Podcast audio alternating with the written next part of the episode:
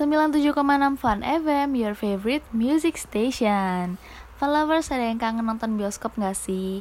Kangen banget dong ya pastinya. Karena semenjak adanya pandemi COVID-19 ini, bioskop di seluruh Surabaya pada ditutup. Jadi kita gak bisa nonton film favorit kita. Eh tapi ini ada kabar gembira datang dari salah satu film Indonesia favorit aku, yaitu film Gundala.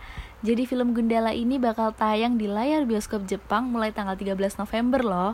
Dan katanya film karya sutradara Joko Anwar ini sebelumnya udah pernah tayang di Amerika Utara. Wah bangga banget ya. Film ini tuh menceritakan kisah seorang anak yatim piatu bernama Sancaka yang memiliki kehidupan keras banget sejak kecil. Terus tiba-tiba Sancaka ini nggak sengaja kesambar petir sampai akhirnya dia punya kekuatan supranatural. Duh Fan Lovers, pokoknya keren banget film ini. Nggak pernah bosen walaupun aku udah nonton berkali-kali. Wajib banget masuk list film favorit kamu.